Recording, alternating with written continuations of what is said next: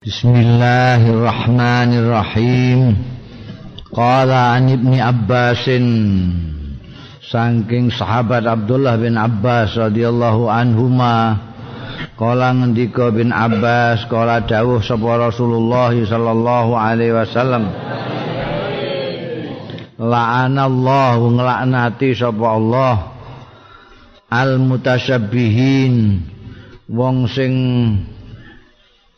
nyerupani wong-wong sing padha nyerupani minar rijali saking wong-wong lanang binisai kelawan wong-wong wedok. Wal mutasabbihati lan wong-wong sing padha nyerupani minan nisai saking wong wedok birijali kelawan wong lanang. Wong lanang terus kewat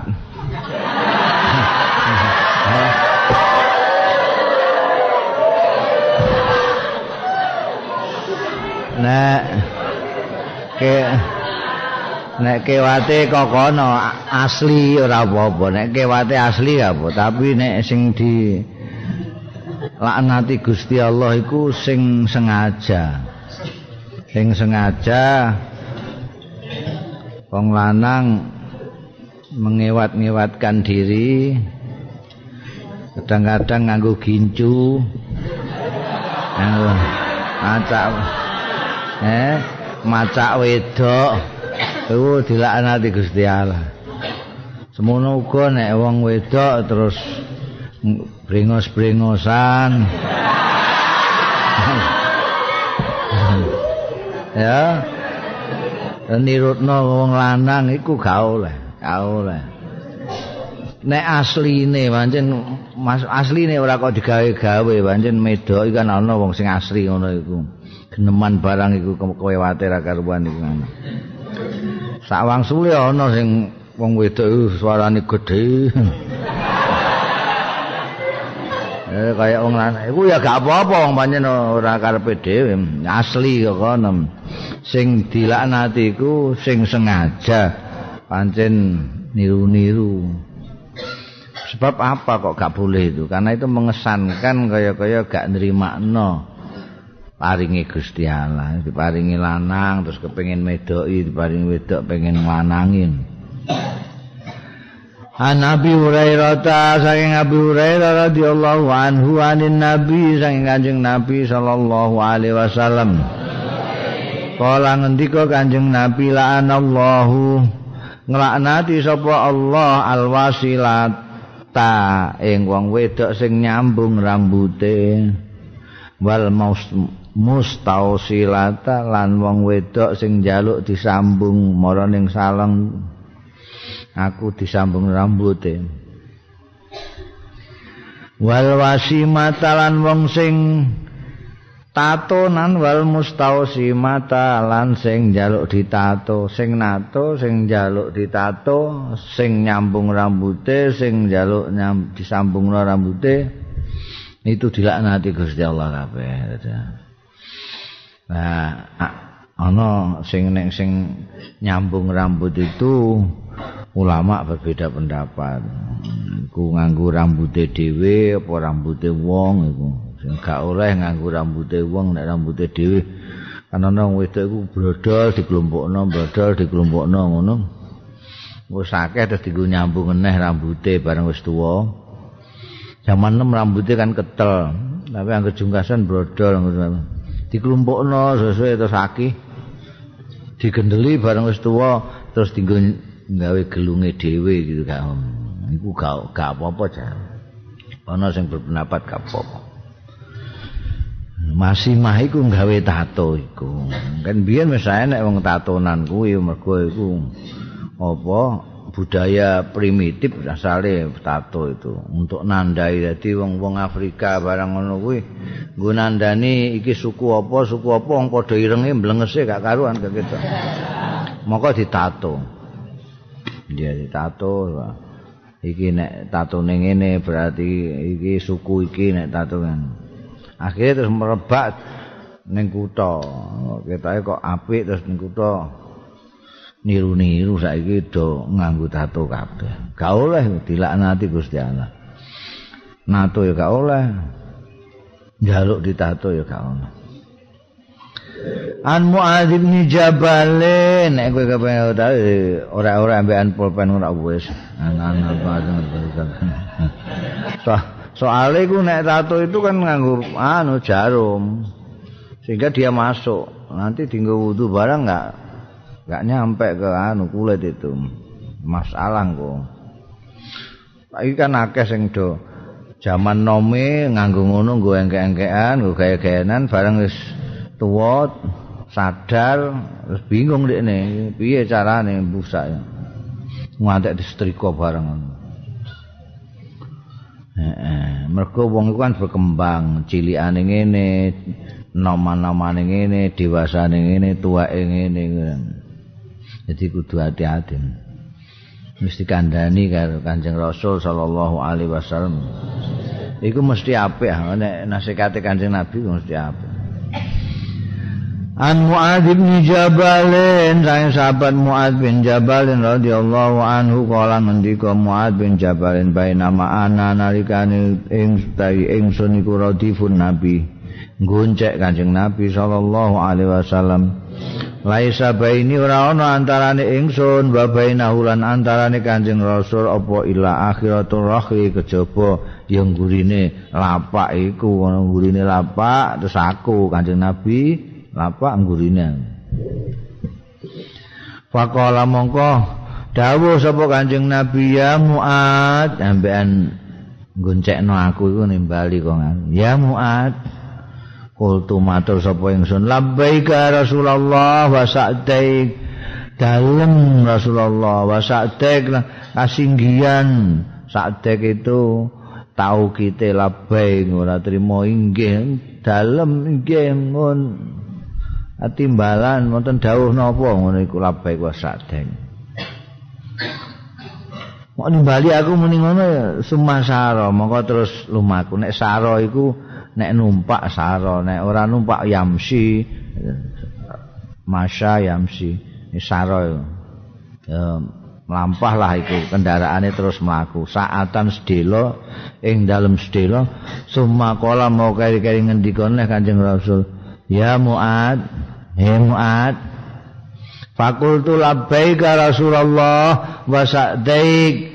Dalem kanjeng rasul wonten dawuh tumasarana kok berjalan meneh mlampah malih Kanjeng Nabi saatan ing dalam sedilo semakala moko dawuh Kanjeng Nabi ya muat eh muat diundang-undang terus. Kultu labbaika Rasulullah wa sa'daik dalem Kanjeng Rasul wonten dawuh. Ping telu ditimbali mlaku terus ae gak didhawuh-dhawuh kok nimbali tok ae Kanjeng Nabi Barang wis ketiga lagian kala dawuh sapa Kanjeng Rasul sallallahu alaihi wasallam. Hal tadri ana ta ngerti sira Muad ing ma iku apa hakullah utahi hake Gusti Allah ala abdi ala ibadi ing atase kawula-kawulane Gusti Allah. Apa tanggung jawabe kawula-kawulane Allah terhadap Allah? Kultu matur sapa ingsun Allah wa rasuluhu a'lam. Gusti Allah lan utusane Gusti Allah niku a'lamu ingkang langkung pirsa. Kala dawuh sapa Kanjeng Rasul, haqqullahi utai hae Allah sing wajib ala ibadi ing atase kawula-kawulane Gusti Allah iku ayya buduhu yen nyembah sapa ibad hu ing Allah. Wala yusyriku lan ora nyekutokno sapa ibadah. Fihi kelawan Allah saean ing apa-apa. Sumasaro monggo kai-kai terus berjalan sapa Kanjeng Rasul sallallahu alaihi wasallam. Saatan ing dalam sedelo sumakola mau kari-kari dawuh Kanjeng Rasul. Ya Muad bin Jabal eh Muad bin Jabal qultu labbaik Rasulullah wa sa'daik. Kala dawuh Kanjeng Nabi hal tadri? Ana to ngerti sira? Ma ing iku apa hakul ibadi utawi hae kawula kawula Allah ing atase Gusti Allah idza fa'alu? Nalikane nindakake sapa ibad hu ing hae Allah nek ning ibadah ora nyekutokno terus hae Allah apa terhadap kawula kul tumatur sapa ingsun Allahu ta'i Gusti Allah wa Rasulullah lan utusane Gusti Allah niku a'lamu ingkang langkung pirsa. Kala dawuh sapa Kanjeng Nabi hakul ibad utawi hae ora kawula alallahi atas Allah taala. Nek ndekne memberikan haknya Allah Allah yu'adzibahum. Ing yen to ora nyiksa sapa Allah ing ibad. Jane sederhana sekali. Anggere kawula kuwi nyembah Gusti Allah ora nyekutokno karo Gusti Allah ora disekutokno karo apapun juga. Maka Allah tidak akan menyiksanya tapi enak to An Abdullah bin Umar tapi yang nyekutokno Gusti Allah iku sing angel nyekut. Sirik iku ana sing kasar ana sing halus. Sirik sing kasar iku ya nyembah Gusti Allah tapi nyembah brahala juga. Ya.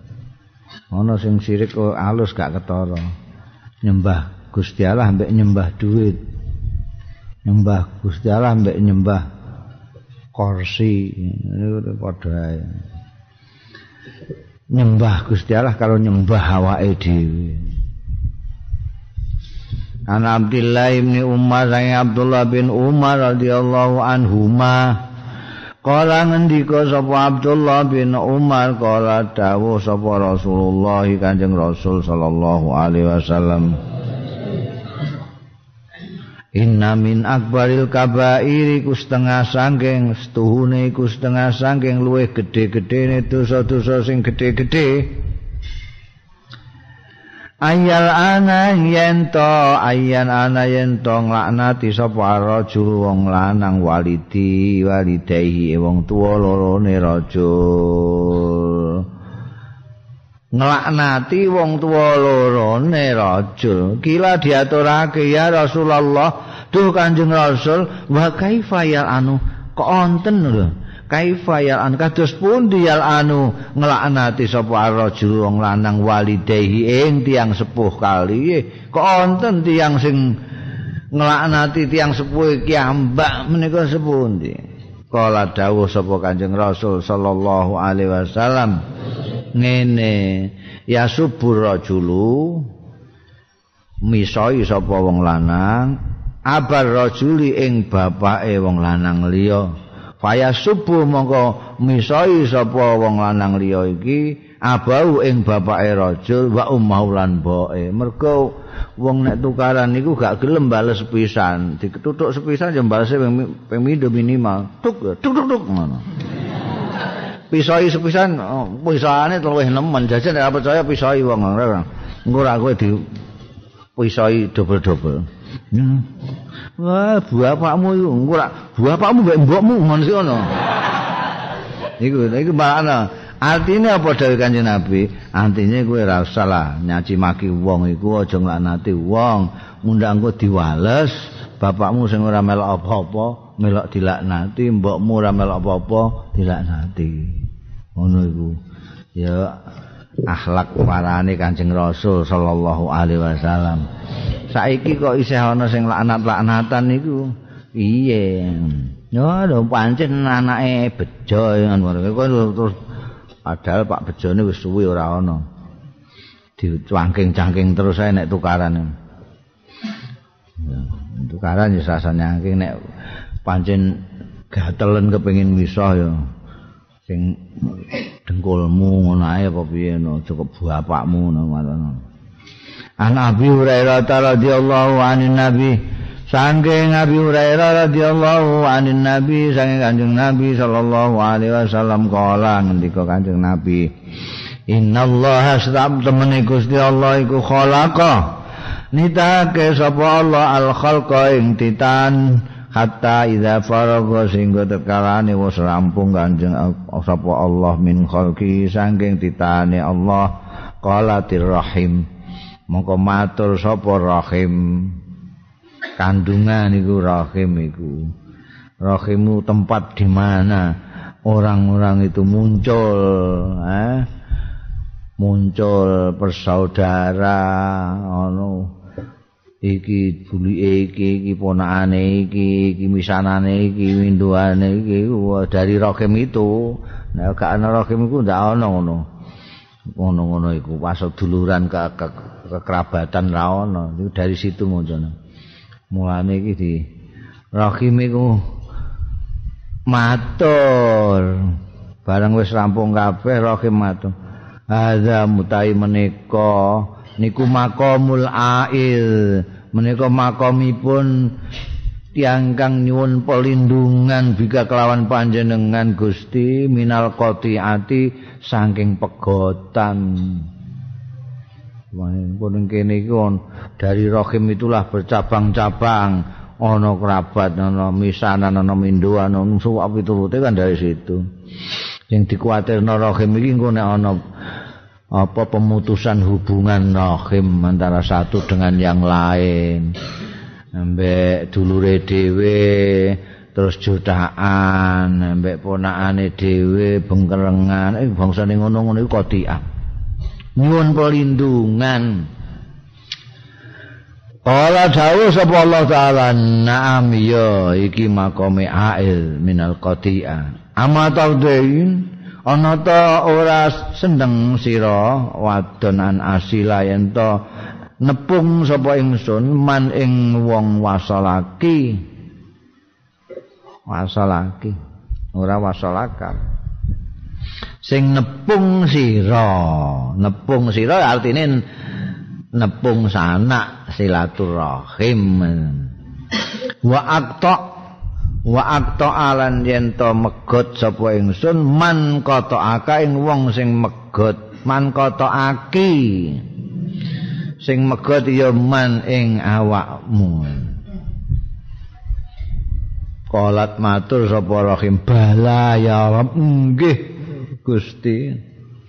Kolat dawuh sapa Allah wa laka wa utai mazkur min an asilaman wasalaki wa aqta aman qata'aki iku laka kanggo laki kanggo awakmu gak laka.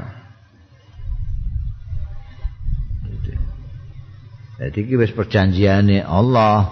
Dipokoke nek ana wong kok nepung sanak ya ditepung karo Gusti Allah. Nepung sanak iku piye ya ditegur sapa ya ditakok-takokno kabare nek butuh bantuan dibantu ngono ya. Nek duwe kajat melok mendarat. Mangsa gitu-gitulah nepung kuwi. Lah nepungi Gusti Allah. Nepungi Gusti Allah bantu apa sing dibutuhno wong kuwi? Eh di sana dicedaki karo Gusti Allah taala apa butuhe dicukupi sak piturute. Ayo wong nepung sanak kuwi iso marakno kepenak uripe. Mergo ya iki ana jaminan karo Gusti Allah, saka Gusti Allah nek wong nepung sanak iku bakal ditepung dening Gusti Allah taala. Nek sing megot sanak ya dipegot. Dadi ana wong kok negakno dulure lara barang ora tilik, lan segala macam dijaluki bantuan orang ngeki malah ngidoni. Wah iku terus dipegot bae Gusti Allah taala. Mes nek butuh apa-apa ya Allah ya Allah njalno ae. Nah iku pentinge nepung sana kadang-kadang nek zaman akhir kan mayado barang iku wis lali nek iko dulure iko isih misanan iko isih dulure iku kadang-kadang ora kenal. Eh, ora takoke ora, lara ora ngerti an segala macam. Ana Aisyah ta ing Siti Aisyah radhiyallahu anha qalat ngendika Siti Aisyah ja'atni nekani ing ingsun sapa imraatun wong wedok maha iku sartane imraah. Ibnatani bocah wedok loro duwe anak loro wong wedok iki tas aluni njaluk sapa imro'ah ni ing ingsun Palam tajid indi mongkora nemu ya imro'ah indi ana sanding ingsun ghaira tamratin wahidah. Kejaba tamar mok sitok tok ya Allah melarate keluargane Kanjeng Nabi ya. Ning nggonku wakih kurma masyaallah. Kowe nek butuh kurma sak kilo enak aku. Wong Siti Aisyah mok ana sitok. Dil iki ngono. Iki jaganan nggo buka Siti Aisyah. Kari-kari ana sing njaluk embek nggawa anake loro. Masyaallah. Fakta itu ha mongko menehno sapa ingsun. Ha ing tamrah wahidah mau. Tak wehno ndikne. Fakos samat ha mongko bagi sapa imroah ha ing tamrah wahidah mau bainab natai antarane anak lorone imroah aku nyawang kok gak mentolo mok siji terus dicuwil dadi loro diwehno anake sing loro mau dibagi. Nah nduk. Alhamdulillah untuk panganan. Hmm, insyaallah summa komat mongko keri-keri jumeneng sapa imro'ah fakharajat mongko metu sapa imro'ah sampun. Matur nuwun. Metu. Fadakhala mongko mlebet sapa kan Nabi Kanjeng Nabi sallallahu alaihi wasallam. Fata Fakadastuhu iku mau sapa fakadastuhu mongko matur. Nyritani sapa ingsun ing Kanjeng Nabi. Anu Kanjeng Nabi mah sakake niku wonten tiyang anake loro. Dok wedok. Faqala mongko dawuh Kanjeng Nabi man yali. Bak apa ya iku? Nek ya yali nek bak bulia. Man bulia aku soalnya ra tau. Aku mangsa kok tau ana sing man bulia iki man yali ya. Man yali sapa sing ngopeni ya? Man min hadzil banati saking iki-iki bocah-bocah wedok saean ing sesuatu. Fa aksana mongko bagusake ya man ilaihinna maring banat. Kunna mongko ana. Sapa banat lahu marang man? Sitron iku dadi aling-aling minan nari saking neraka. Ngono ya biasane wong-wong Arab iku ora pati seneng mbek anak-anak wedok iku yang di apa ini sing lanang-lanang tok. Nah, anak wedok wis diserah nomboke tok ngono iku. Dene gak melok-melok mati. Ini didhawuhi Kanjeng Nabi. Ana wong dia anak wedok-wedok kok memperlakukan dengan baik, dengan kasih sayang, dengan apa jenenge penuh rahmat. Mongko wong kuwi bocah-bocah wedok iku bakale iso engko dadi tamenge dadi aling-alingi ndikne saka neraka. Dadi men neraka gak bisa mergo dialing-alingi karo anak-anake. Ngono ya An Umar bin Khattab. Saking sahabat Umar bin Khattab radhiyallahu anhu kala ngendika sapa Umar bin Khattab qadima lan nabi. Datang ngalan nabi ing atas kanjeng nabi sallallahu alaihi wasallam apa sabyun? Apa sabyun boyongan? Nek ghanimah iku bangsa barang-barang hasil perang. Nek sabyun iku bangsa bocah cilik wong wedok barang itu tahanan-tahanan perang itu. Iki ning gone ora salah ning gone perang Hunain. Ning perang Hunain. Jadi orang Hunain melawan orang-orang Hawazin itu dan perang terus untuk itu diatur no kanjeng Nabi sebagai komandan ini laporan. Ini ada Sabion ini boyongan istilahnya nek mana nih wong wong tua tua boyongan. Artinya yang ditangkap dari musuh-musuh sing kalah ini. Fa idzan dumadaan imra'atun ana seorang wanita ana wong wedok minasabi saking boyongan iku mau. Di antara ada wong wedok. Tahlubu sadia sing ngepoh ngepoh sadia ing susune imra'ah mau dinggo apa taski ngombeni id wajadat nalikane nemu sapa imra'ah sabiyan ing bocah bayi minasabi saking boyongan iku mau. Dadi ini muter ana wedok iki muter janji ana bayi nangis ta di wakal disusoni. Akhadathu ngalap sapa imro'ah hu ing sobi. Fa'al saqat hu mongko nemplekno sapa imro'ah hu ing bayi sobiyan iki mau bibat niha ning wetenge imro'ah. wa ardo adulan nyusoni sapa imro'ah hu ing sobi jadi ini ora anak etok keliling kono kono bocah cilik. Sakake terus langsung disusoni dik ini. Oh, caci susoni. Pakola mongko ngendika lana marang kita sapa an nabi kanjeng nabi sallallahu alaihi wasallam atarauna hadhihi tarihatan Jae aku kandhani atarauna iku. Hadhi atarauna ana to nyono sira kabeh. Hadhi ing iki wong wedok mbok tingali tarihatan ingkang nguncalake waladaha ing anake finari ing dalem neraka.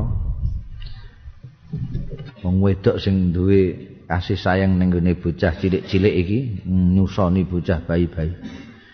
kira-kira tega ndekne umpamane anake dhewe terus diuncalno ning neraka wene.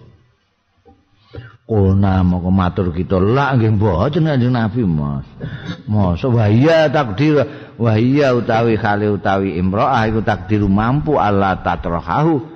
Ing yen to ora nguncalake ing walada. Anggere ki ambake mampu menolak mboten nglemparake pasti mboten purun nglemparake anake teng kene. Geni.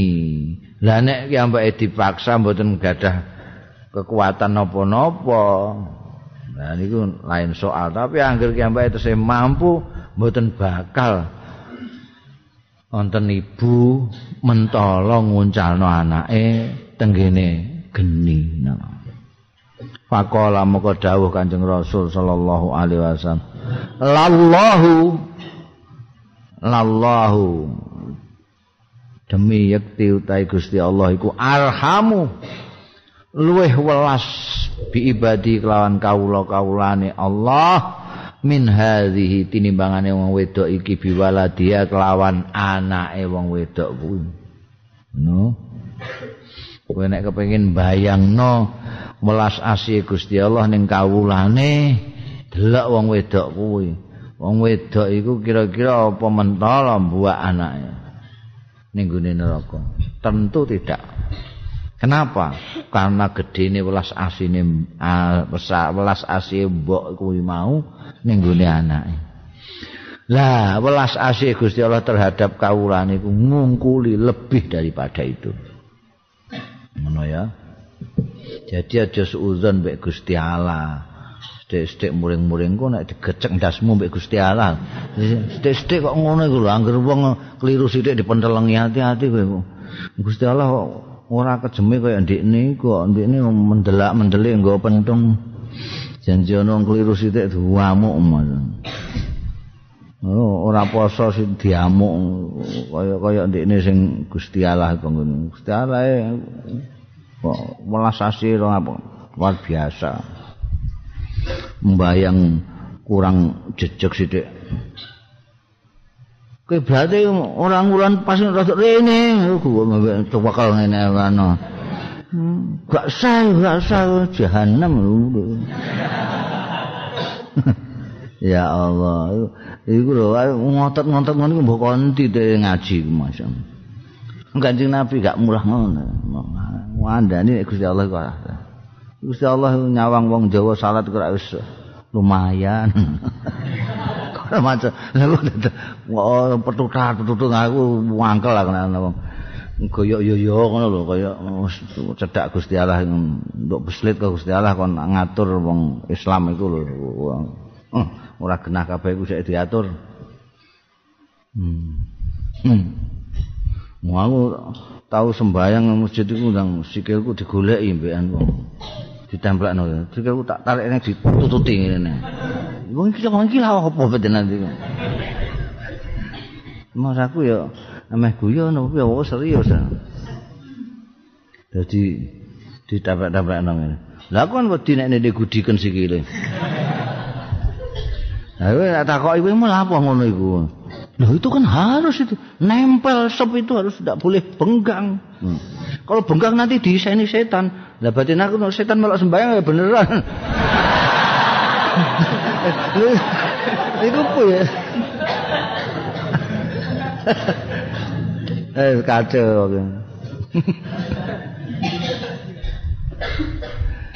Eh, eh, an Nabi Hurairah ta Nabi Hurairah radhiyallahu anhu kala ngendika Abu Hurairah kala sami tu mireng sapa ingsun Rasulullah ing Kanjeng Rasul sallallahu alaihi wasallam yaqulu ingkang ngendika Kanjeng Rasul. Jalallahu rahmah. Dadekake sapa Allah Gusti Allah rahmata ing welas asih didadekake mi'ata juz'in ing 100 bagian fa amsaka moko ngeker kanjeng eh, sapa Allah? Ngeker iku tegese disimpan sendiri. Ngeker sapa Allah indah ana ngasane Allah. Tisatan wa tisina juz'an ing sangang puluh songo bagian disimpen dhewe dening Allah. Wa anzala lan nurunake sapa Allah fil ardi ing dalam bumi juz'an ing satu bagian yang lain wahid dan kang siji Famin dalikal juz'i lan saking satu bagian itu ya tarahamu saling mengasihi sapa al khalqu makhluke Gusti Allah. Hatta tarfaul farasu sehingga ngangkat apa jaran hafiroha ing tracake jaran anwala dia sanging anake belone. Jaran khosyata antusibahu mergo kuatir yen to ngeneki apa? Paros mauhu ing waladaha. Ya. Bayangno iku. Dadi ana kasih sayang rahmati Gusti Allah iku kabeh 100 dibagi sing sangang puluh songo iku disimpen kanggo Allah dhewe sing satu bagian didono ning bumi dibagi kanggo wong kabeh makhluke Gusti Allah. Suami mengasihi istri, istri mengasihi suami, bapak mbok ngasihi anak, anak mengasihi saudaranya. Sak peturute. Guru mengasihi muridnya, kiai mengasihi santri. Orang Islam mengasihi dulure sampai jaran. Saake tasikire diangkat-angkat terus kuatir nek kenek anake ngindaki anake itu termasuk satu bagian tadi. Di satu bagian diecer-ecer kanggo wong sing welas-welas siapa saja yang welas. Pitik melindungi kutuk-kutuke ngono kae ya itu semuanya termasuk satu Lah sing Gusti Allah iku 99. Dadi kowe iso mbayangno welas asih Gusti Allah iku kaya apa? Siji, kowe nek ndelok mbok ning gone anake kowe wis kagum kowe. Wong tuwa kok welase ngono mbek anake. Roh wong lanang ngasih bojone ngantek ngono kowe kagum. Ae Gusti Allah iku 99. Ya.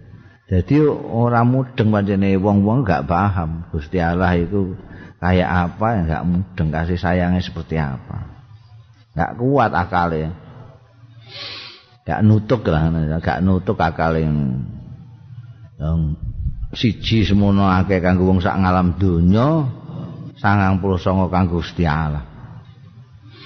Anin Nu'man ibni Bashirin Sangking an Nu'man bin Bashir Yakulu Lawake dhewe iki dianjurno supaya nek iso berkelakuan kaya Gusti Allah taala. Gusti Allah iku welas asih kene iso ya kene dadi wong welas asih. Gusti Allah ya. Yaqulu Nu'man bin Basir qala dawu sapa Rasulullah sallallahu alaihi wasallam Nara ningali sapa ingsun al mukminina ing wong-wong mukmin fitarahumihim ing dalem saring menyayangine mukminin wa tawattihim lan asia-asiane mukminin wa ta'atufihim lan saling melembuti yang lain wong mukminin. Iku kamasalil jasad kaya dene umpamane jasad jisim tubuhnya manusia. Idastaka udwun nalikane lara mengeluhkan sesuatu apa udwun salah satu anggota tadaa mongko melok solider lahu marang udwun apa sairu jasadihi apa solider cara Jawa nih aku sedek suwe gak ngerti bahasa Jawa. Solider apa? Ora sapa lahu marang udwun apa sairu jasadi? Sawenehe jasad-jasade. Udwun solider bisa hari kelawan ora turu wong pancen iso turu. Wal khumalan demam.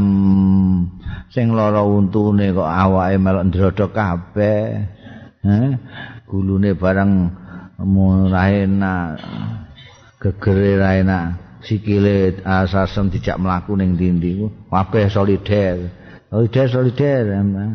Mas untu lara. Irang sikile tutulen ya ngono kabeh gak gelem mripate barang gak gelem turu. Aku tak nunggoni. Sing anu dik sikil. Ngono iku tepane wong mukmin mestine kaya ngono kuwi jaman Kanjeng Rasul sallallahu alaihi wasallam wong mukmine jaman iku. Tapi ya wis mok dinggo cerita tok jaman iku mok nggo cerita ora ana tunggale ora terulang kembali masa itu. Ya Allah mereka itu anjing nabi janji bar salat subuh terus madepi karo jamaah nakoki salah sijine iki kena gak ketok sing biasa ketok ditakokno iki kok gak ana ning di Umar iki anu. anu mesti ana sing jawab. Oh anu sahabat Umar meneh nembe. Anu anu iki ning di menika saat nembe gerah.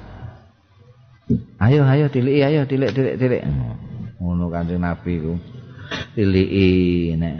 Sing lara ditiliki no sing butuh bantuan dibantu. Ana wong teko ka Mekah wong Ansor mapak oyo-oyoan ae kitulu kene ae tulu kene ngono wah. Terus ning omahe kono wis iki lho pilih kamarku mok sitok pilih sing kowe sing kono apa sing ning pawon iku modele ngono kaya jasad.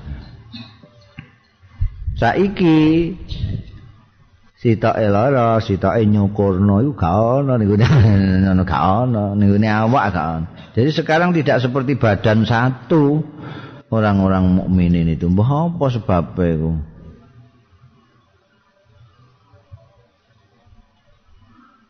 Sebabnya ya kuwi seneng donya iku sing manakno seneng donya iku terus akhire wong kabeh lali karo dulur lali karo macem-macem. Saat digebuki donya kok nguri kok nututi terus. Mbok goleki sebab-sebabe mbok mesti ning gone donya iku. Donya sing manakno ana wong jodak dulur ora karo-karuan karo dulur pengkerengan karo dulur ungkur-ungkuran karo dulur jotos-jotosan karo dulur mbok goleki sebabe kok dunya kabeh ora ana wong Islam mbek wong Islam tukaran rebutan swarga iku ora ono. Enggak. Ayo mesti soal dunya. Lah wis ngerti ngono lah kaya isih terus fanatik mbek dunya iku lah apa. Ya sekedar ngono ae dunya iku. Ben ora marakno tukar, ben ora marakno bengkerengan, iku sekedarnya saja.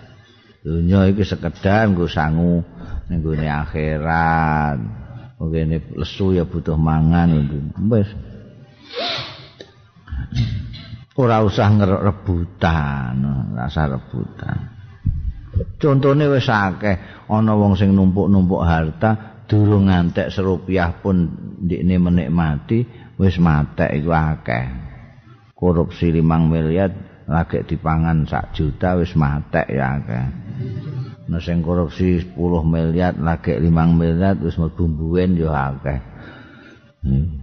Buka dia ngenangen kok isih terus saya ngerti nek dunia kuwi marakno rusak.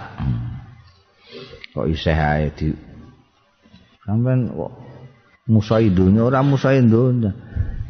jangan ditempatkan di tempat yang paling pokok ojo didadekno Tuhan kedua ojo ojo sampai menguasai kita.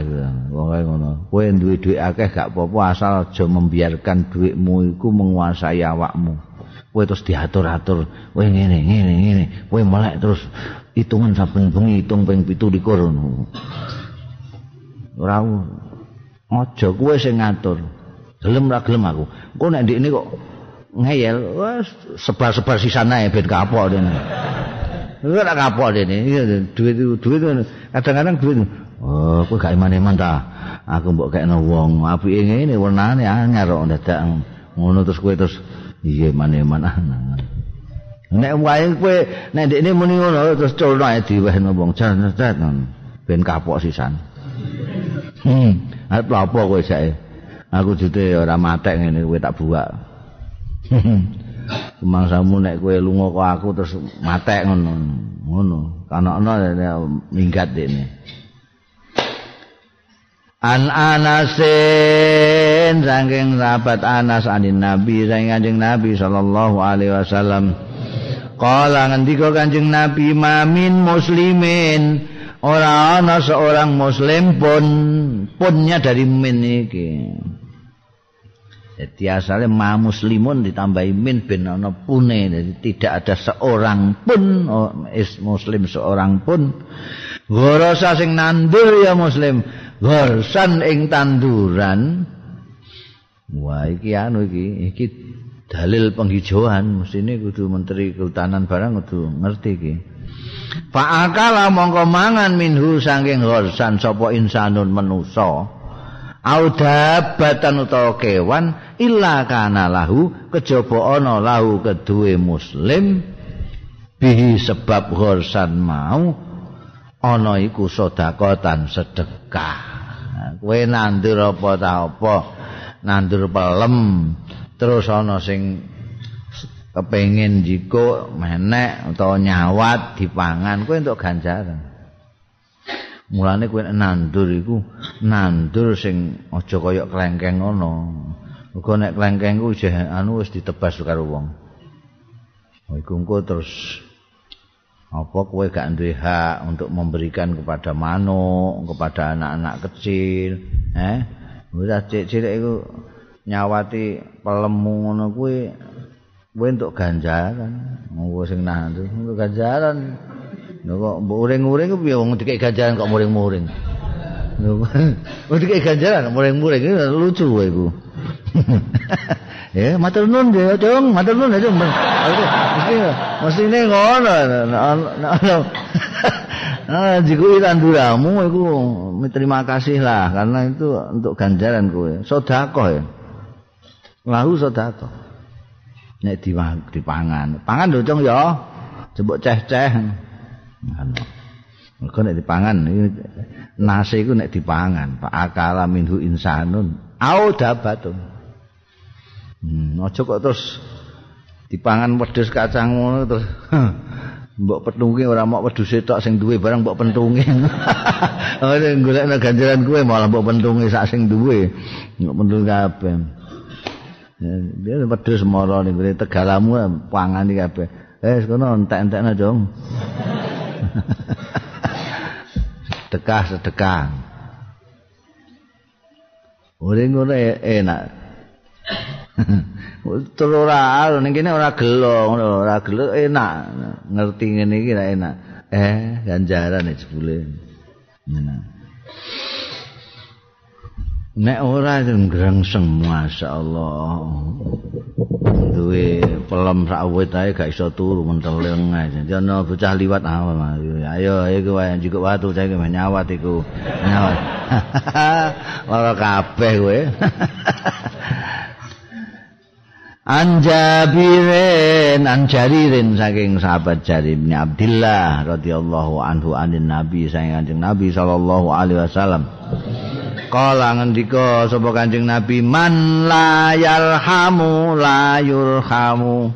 Sapaning wong sing ora welas ya man ning donya la yurhamu mongko ora diwelasi ya man ning akhirat. Sapa sing ora diwelas ning ngene donya iki wis aja mengharap engko ning akhirat diwelasi. Aja mengharap. Iku dawuh Kanjeng Nabi lho iku, man layar ham layur ham. Mulane welas asih iki penting wis padha-padha. Aja kejem-kejem. Engko nek ning kono gak diwelasi payah. Anna Aisyah saking Siti Aisyah radhiyallahu anha anin Nabi saking Kanjeng Nabi sallallahu alaihi wasallam kala ngendika Kanjeng Nabi masalah Jibrilun. Ora kingsir-kingsir sapa malaikat Jibril yusini masiati sapa Jibril ing ingsun bil jari kelawan tangga tangga lho. Kanjeng Nabi Muhammad tangga lho tangga. Bolak-balik malaikat Jibril janji rawuh iku mesti pesen-pesen tangga lho, tangga ngono terus ae. Hatta donantu sehingga nyono sapa ingsun anau setuhune tangga iku sayuwarifu bakal marisi sapa tangga. Ndak bakal marisno, ngongkon maris maris mariske sapa Jibril ing tangga.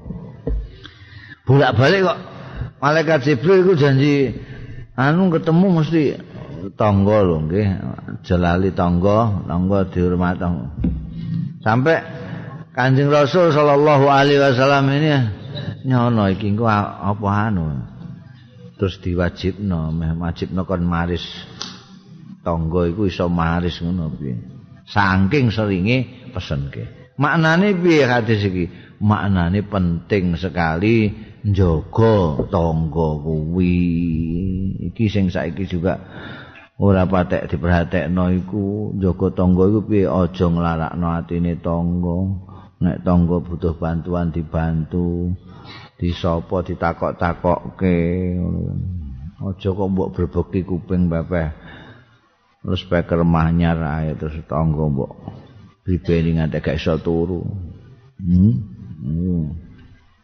Dene lara untu barang kowe gak roh Wong lara untu krungu swara banter-banter rak cekot-cekot nang tamben. Ngono iku kudu mbok perhatekno tangga. Mergo tangga iku juga pusat informasi lho. Kadang-kadang dulure durung krungu. Tangga wis krungu. Kowe gak tilik dulurmu. Lho kenapa? Di ini mlebu rumah sakit, lho sing ngandani iku malah tangga, ora kok dulure. Ana dayoh kentekan gula sing ditatap ya tangga. Dik nyileh gulane sithik, Dik. Ana tamu entek gulaku entek. Ana. Masa ana tamu terus telegram dulure ning Jakarta. Njaluk gula, ora ana mesti tangga sik. Iki pantes. Tangga iku ana telu, ana sing duwe hak satu, ana sing duwe hak dua, ana sing duwe hak tiga. Hak sing kudu mbok anu, sing kudu mbok laksanakne lah. Sing kudu mbok apiki, iku ada yang double, ada itu. Tangga kapir. ini duwe hak satu yaitu hak tetangga hak tetangga karena dia tetangga harus apik karo dik ini iki hak satu. Nomor loro tonggo muslim. Duwe hak loro. Ndik ini duwe hak sebagai tonggo kudu mbok apiki sebagai sesama muslim kudu mbok apiki. Ana sing telu tangga muslim dulur. Ndekne duwe hake tangga, duwe hake sesama muslim, duwe hake dulur. Iku kudu dobel untuk mengapiki iku. Mergo ada tiga hak yang dia miliki. Dan tangga itu angger tangga. Ora kudu tangga itu kudu muslim padha-padha santrine ngono gak. Al Hasan Al Basri, Sayyidut Tabiin, seorang ulama besar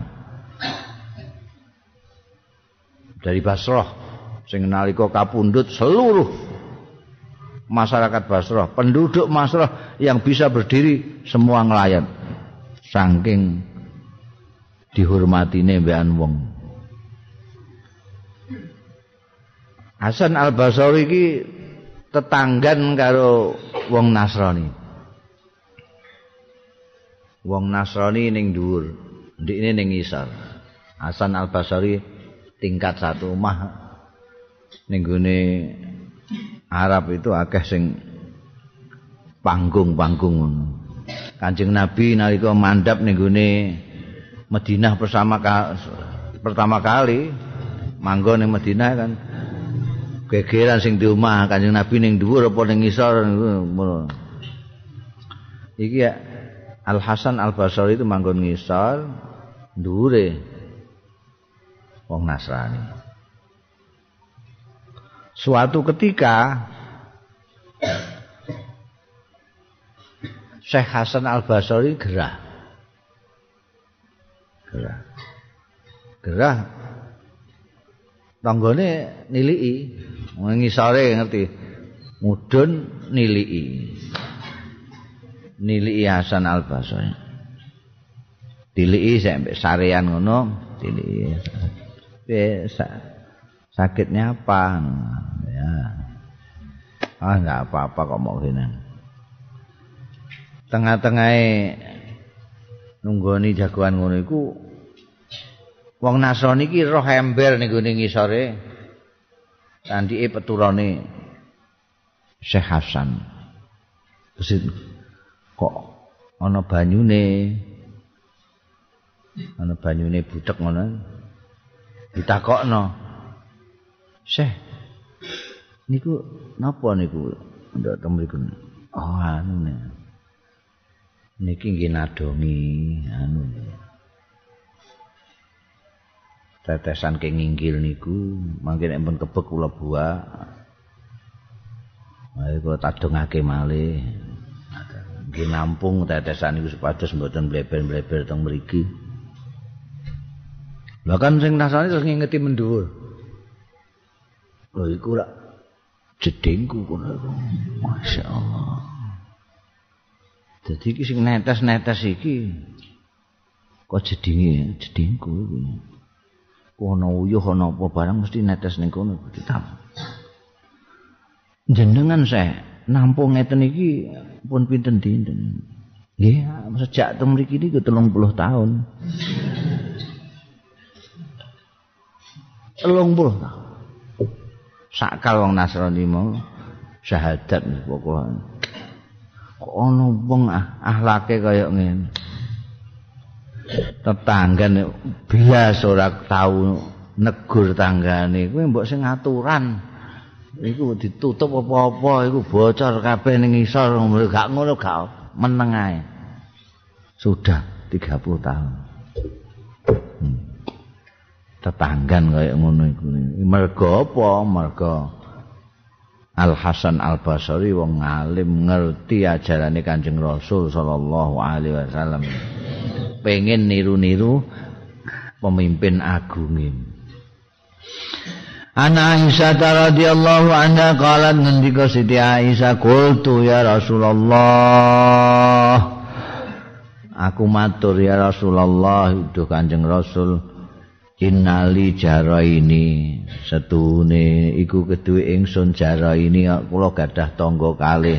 Fa ila ayyihima mongko dateng pundi kekalih jara ini auh di ngadiai kula niku ajeng hadiahi mok sithik tangga kula kalih. Ini sing kula sukani sing pundi kan kala dawuh kanjeng nabi ila aqrabihima maring luweh parek-pareke jara ini mingki saka sira apane baban lawange? Lawange sing paling parek iku sapa? Iku sing aturi anu. Nek akeh ya ame hadiah ya terus undang kabeh ae ning omah, ngundang kajatan rono 40, rene 40, rene 40, 40. Ngono nek sing nek sing maksimal ya.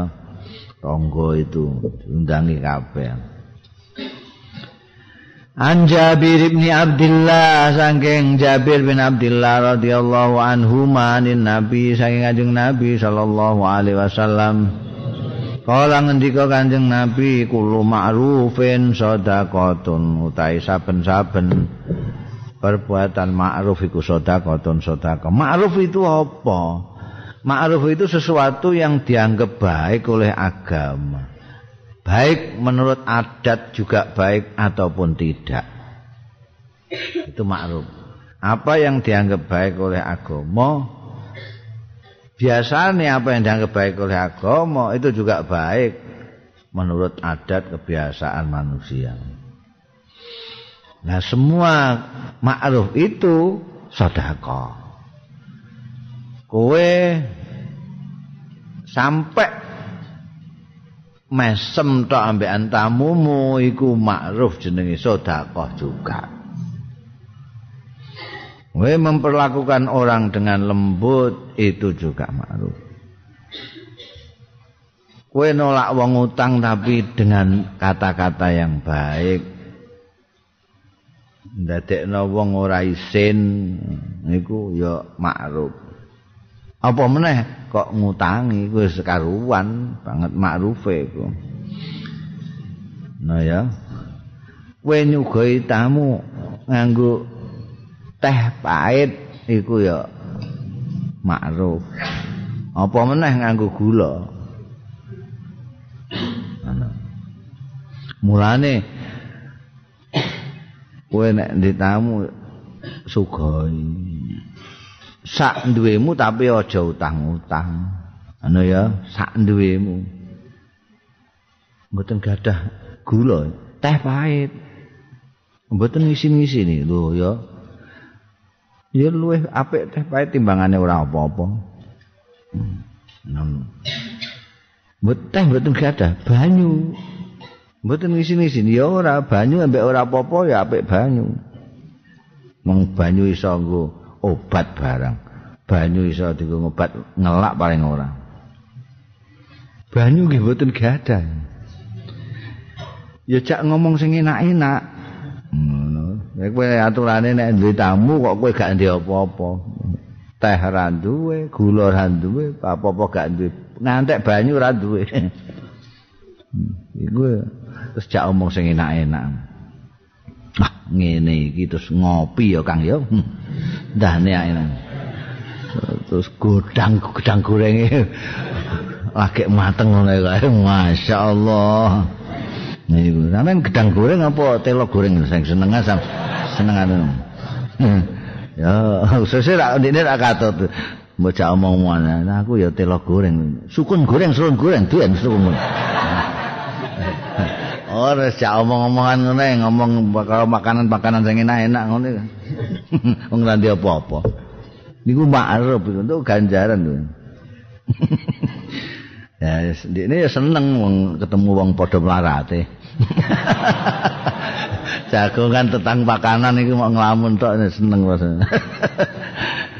An Ibnu Umar saking Ibnu Umar radhiyallahu anhu ma anin Nabi saking Kanjeng Nabi sallallahu alaihi wasallam qol ngendika Kanjeng Nabi la ayam talia jaufu ahadikum. Arep yen to ngebaki ayam talia yen to kebak apa jaufu ahadikum? Jerone salah wetenge utawa jerone ana sing maknani atine salah siji ro kabeh qaehan ing nanah. Iku khairun luwih bagus. Lahu bagi akadikum min ayam taliat. Tinimbangane kebak ya jauh. Siron ing wene siir iku puisi siir dadi ana wong wis pikirane atine wong puisi tok sihir tok Quran blas ora tau diwaca diwaca siiran tok ae. Ora tau nulis-nulis tentang Quran nulise puisi tok. Iki dikecam ambek Kanjeng Rasul sallallahu alaihi wasallam. Nek puisi sekedar untuk apa namanya menyampaikan hikmah. Ya anjing nabi dawuh inna minasyi'ri ya. La hikmah. Ada anjing nabi tidak serta merta membenci syair meskipun beliau bukan penyair tapi beliau mengapresiasi adanya syair. Cuma tidak suka syair yang sing ngomong sing ora-ora eh. Yen wong Arab iku nek penyair-penyair Arab itu sing dibakas iku jaran mua jaran ireng jaran putih jaran belang hmm. terus cewek cewek putih cewek ireng. Mun bangsa ngono-ngono kuwi Ya biyen basa raja-raja kaya Harun Rasid barang ngono iku nek menghibur diri kan ngono. Penyair-penyair dikumpulno, Parosdak ngono, Jarir kumpulno tokoh-tokoh penyair terus ditokno jariae wedok mayu ngono. Ayo, sapa sing nyondro iki ngembek siir sing paling apik? Wah, salah.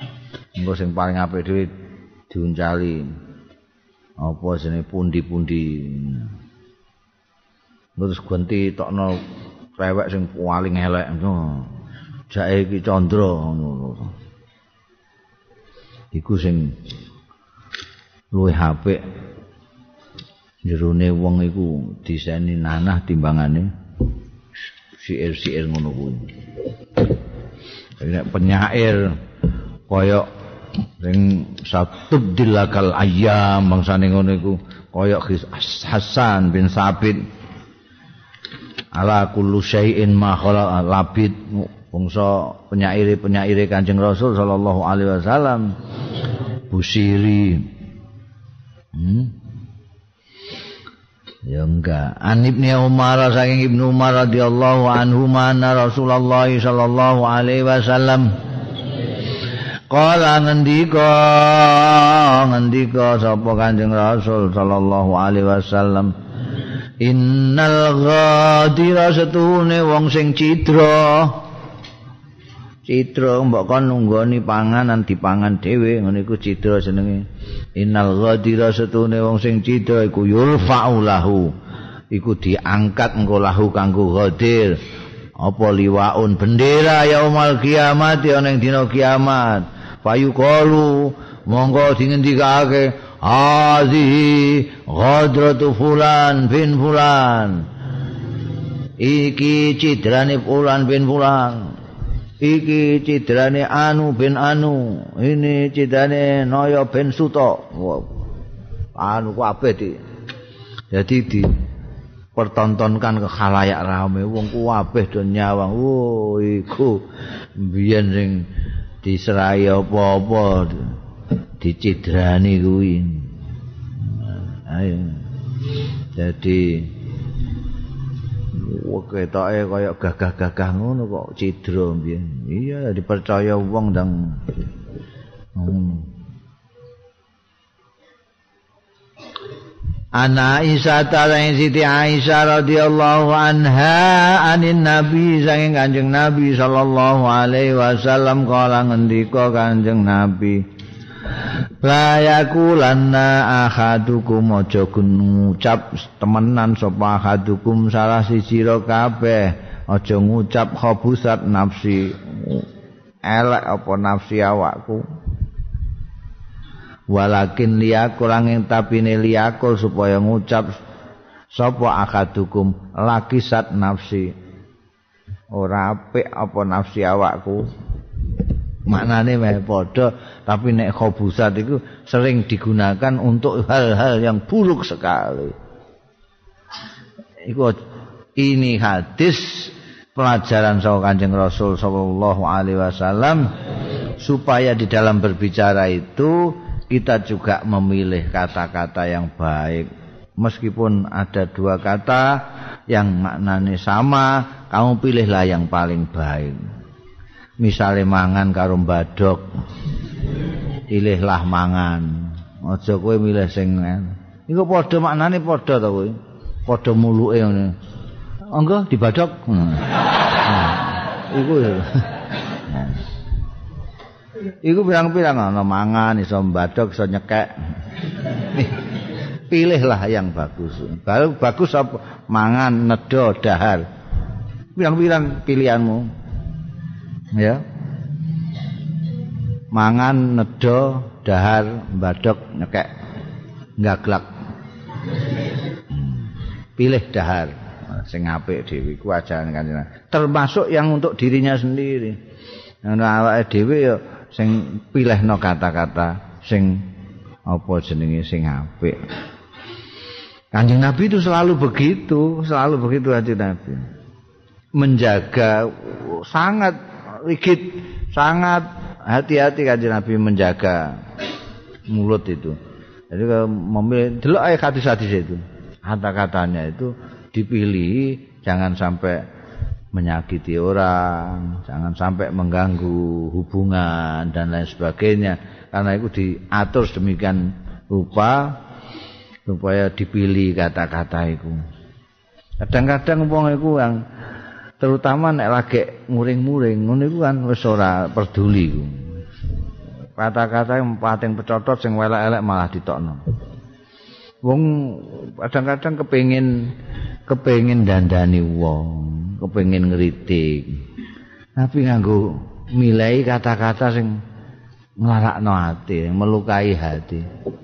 Ya sing kepengin didandani ya malah mohon.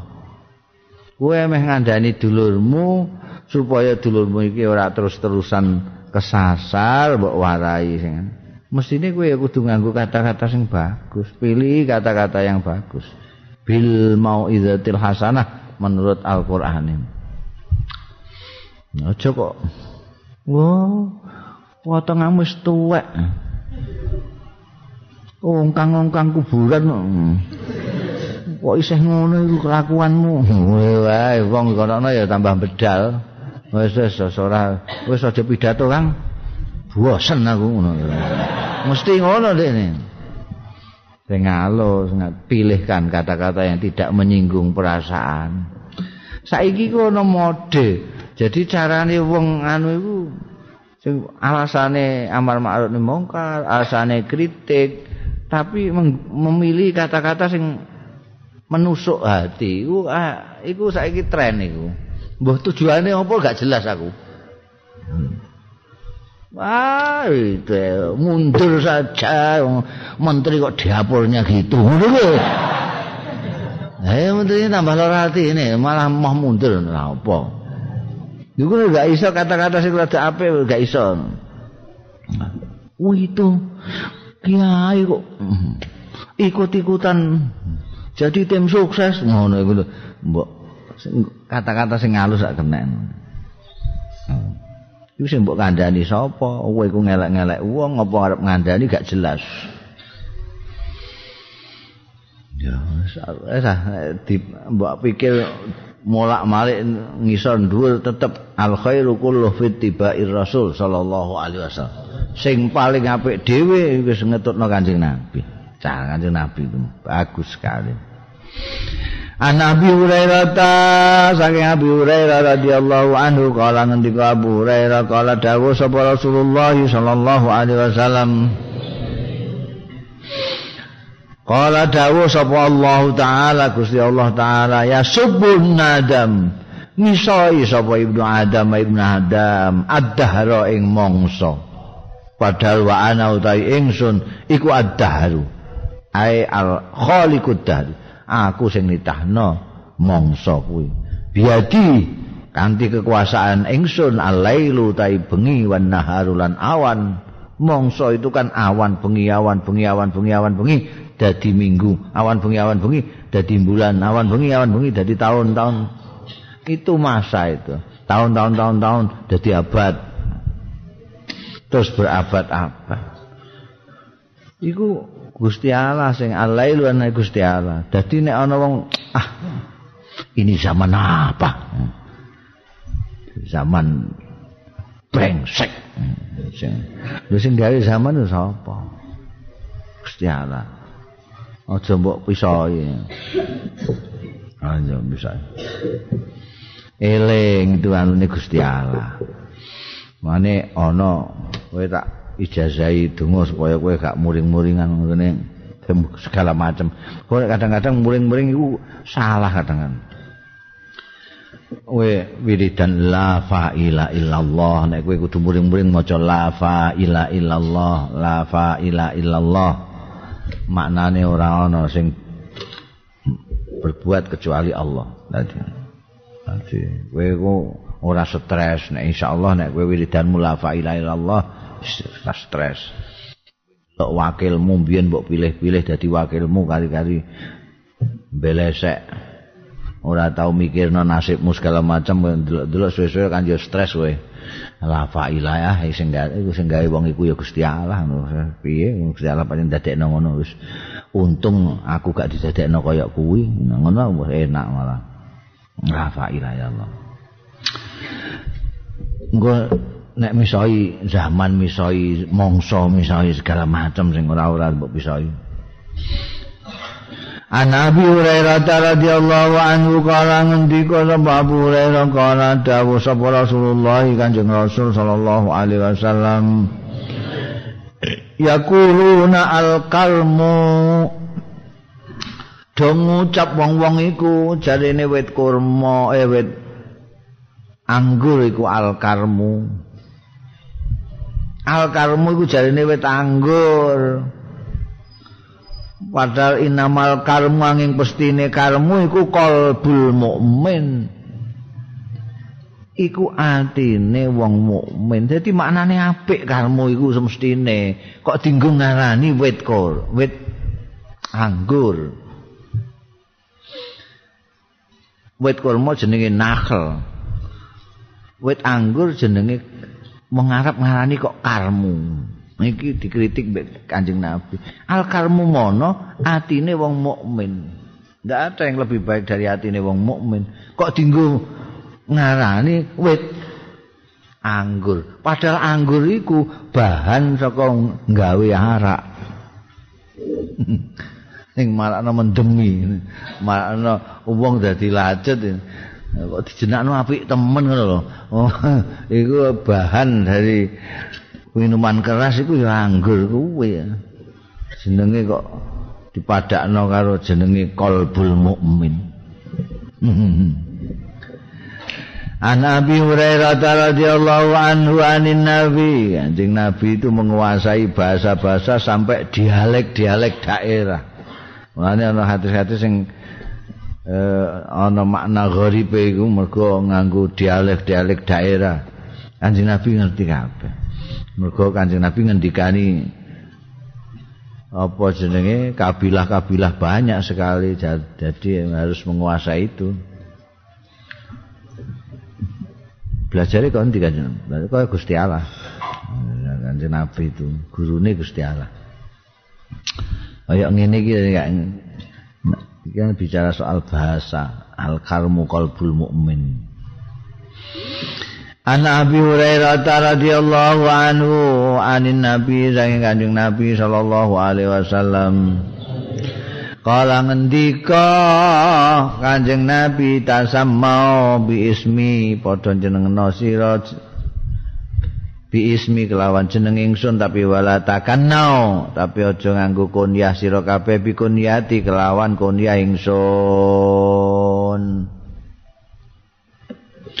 Wa man ra'ani sapaning wong sing ningali sapa man ing ingsun fil manami ing dalem turu faqat ra'ani moko temen-temen ningali sapa man ing ingsun hakon secara nyata bukan kenapa inna syaitana moko stune setan iku laya tamatsalu ora iso mindo-mindo ya setan ala surati ing atase bentuk ingsun.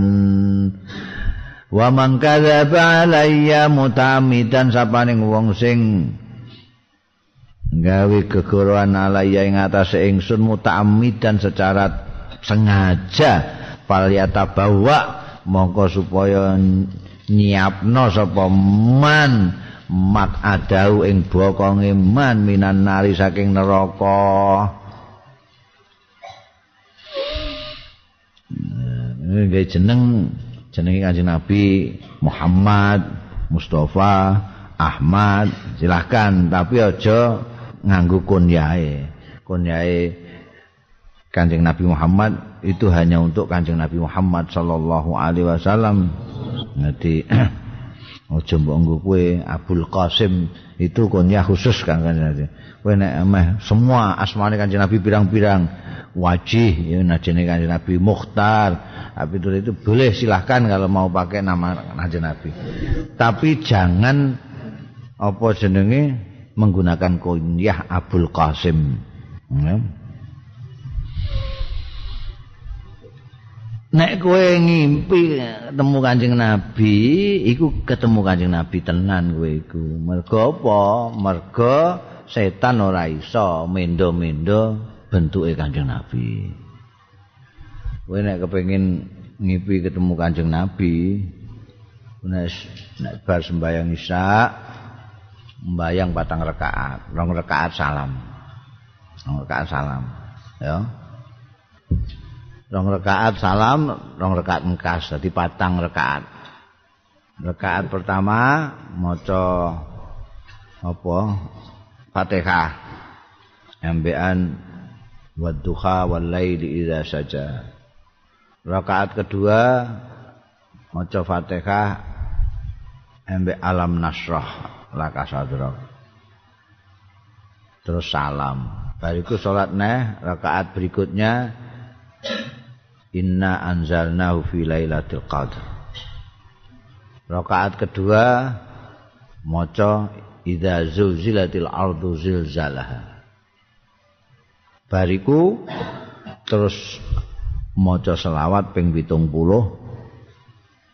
istighfar ping 70 terus aja lapo-lapo turu madhep kiblat kaya wong mati mujure ngalor madhepe ngulon ana madhep kiblat miring madhep kiblat sirahe ning ngene lor. Ngantek turu. Hmm. nek sarep turu aja kok wis bar sembayang barang. Jeh ngobrol neh jagongan ya langsung iku. Iku dawe apa jenenge uh, Imam sapa iku sing ning kitabe Kanzul Akhyar.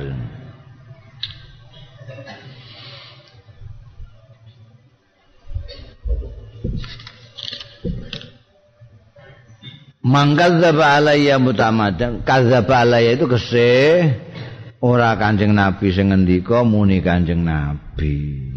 Mulane kowe hati-hati, ya. Kanjeng Nabi Muhammad sallallahu alaihi wasallam sampun ngendikan sak temene saya ngamal-ngamal iku anti niat. Di kapan Kanjeng Nabi ngendikan cara Jawa? Mulane wong kula-kula iku mbiyen ngati-ngati setengah mati. Anjing Rasul sampun ngendika ingkang suraosipun kirang langkung. Ngono iku ora kok mergo ragu-ragu maknane gak saking ati-atine supaya tidak termasuk sing kadzaba alaiya itu. Nek saking ati-atine wong kuno iku. Ngono mbek wong saiki ndang dikritik. Wong mosok makna kok kurang langkung berarti gak pas. Gak ngerti nek iku tawadhu. Niku nek kliru ana sing gawe-gawe kan hadis maudhu pirang-pirang. Itu orang-orang yang dulu itu apa namanya e, persoalan politik itu ya seperti sekarang ini. Eh biyen nemen meneh jadi untuk memenangkan keyakinannya politik itu dia bikin hadis namanya hadis maudhu itu kan gadis gawean. Ora dawuh Kanjeng Nabi, dikandak-kandak no hadis kandeng Nabi untuk mendukung kepentingannya, kepentingan politiknya. Wiku tak boleh falya tabak wa mak adahu minan Nek saiki ora nggawe hadis tapi melintir-melintir hadis. Malah kadang-kadang ayat ayat. Jadi apa jenenge? Ayat-ayat Quran iku dinggo dolanan dinggo kampanye bareng.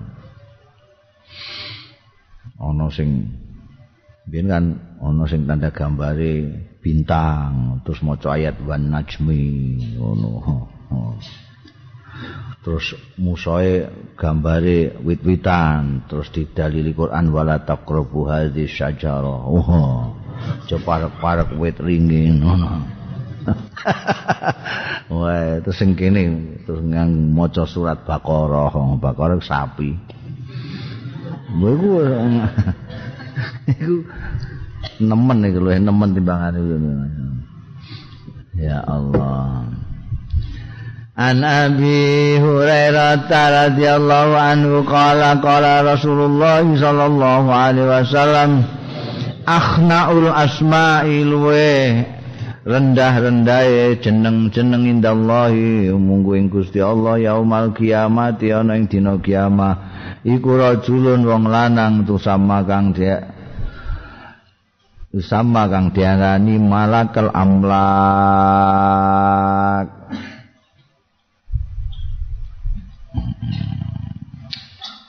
Yusama kok gak sama wong lanang jenenge malakul amlak. Wah malikul amlak sing memiliki anu jeneng ngono malikul amlak. Hmm, mergo gak ngerti bahasa mbah piye.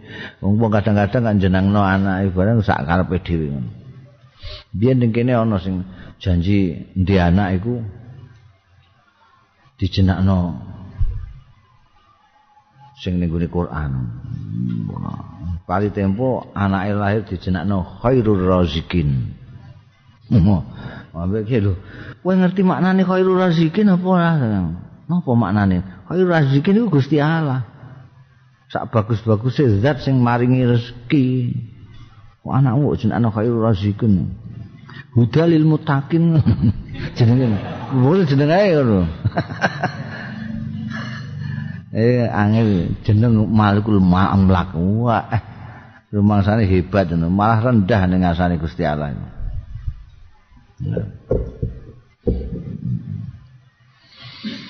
An Anas bin Malikin saking sahabat Anas bin Malik.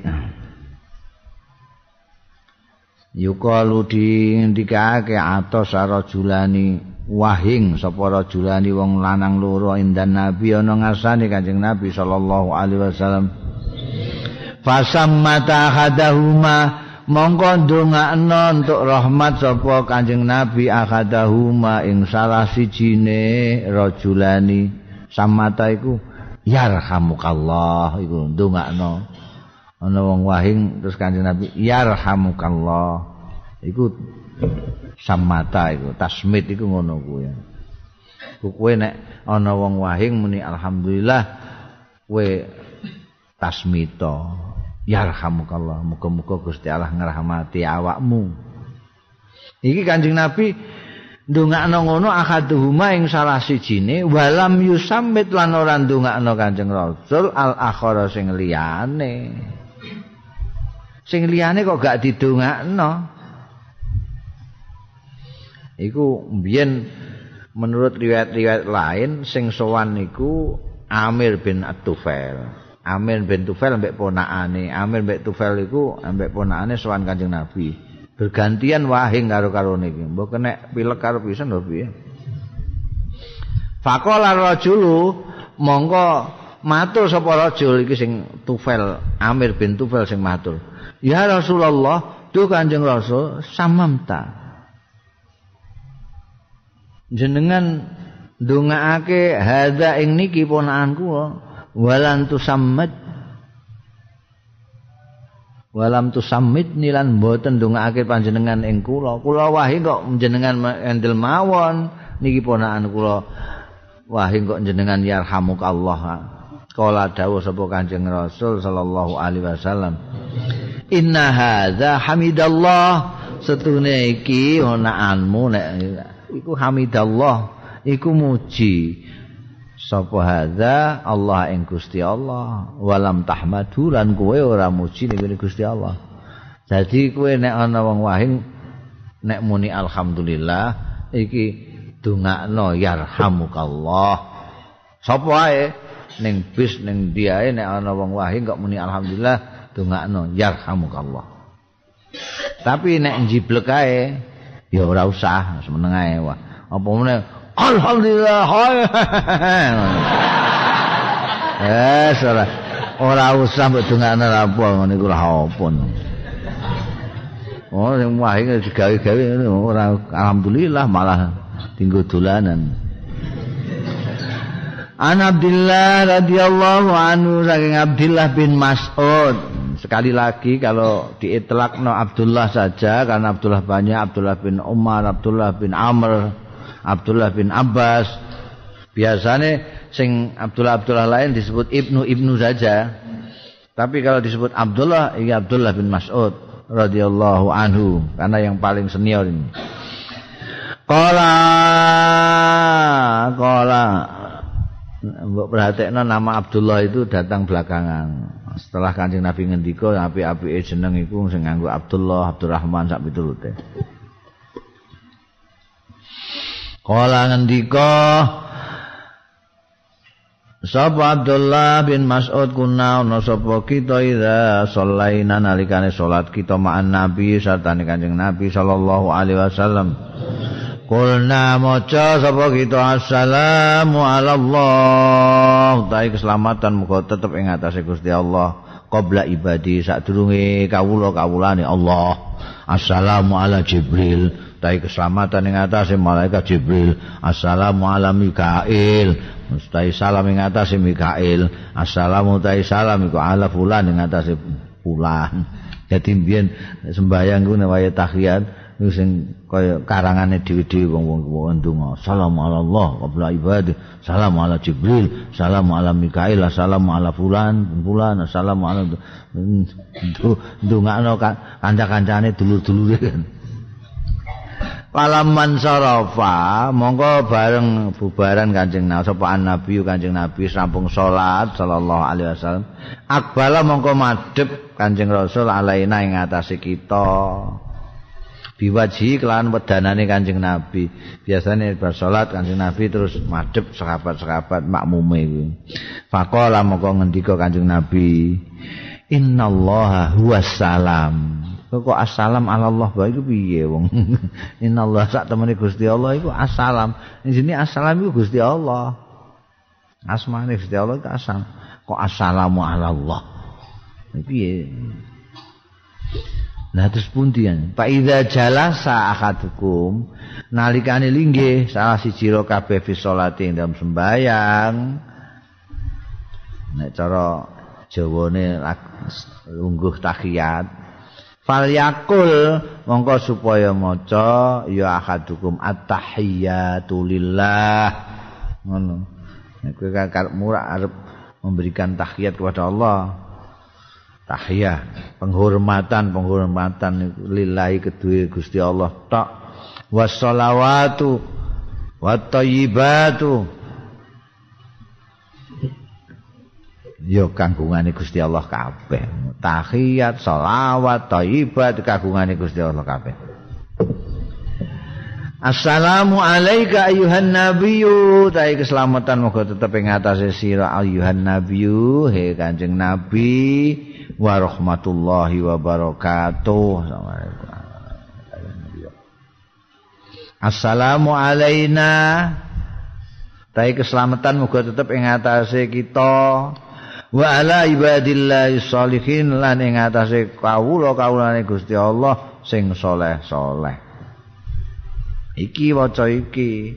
Fa innahu mongko setuhune kelakuan. Idza qala tatkalane maca sapa ahadukum hadza ing iki zalika ing mengkono-mengkono wacanan mau mulai at-tahiyatu ngante as-solihin asoba mongko ngene iya zalika kula abdin solihin ing setiap kawula sing saleh fisama ing dalam langit wal ardi maupun ning bumi. Kena kabeh. Ora mok malaikat jibril mikael tok ora mok fulan bin fulan tok. Kabeh. Wong ala ibadillah sholihin kok. Ngono ya. Kanjeng nabi yo entuk Gusti Allah yo entuk. Nek kowe muni ngono mau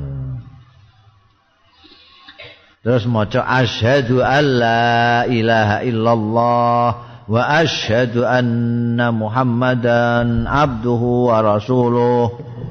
Summa takhayyara. Mongko milih ya ahadukum ba'du sakwise iku minal kalami saking guneman maing minal kalami saking donga maksude maing barang saakang karep sapa ahadukum. Bariku ndonga apa ae?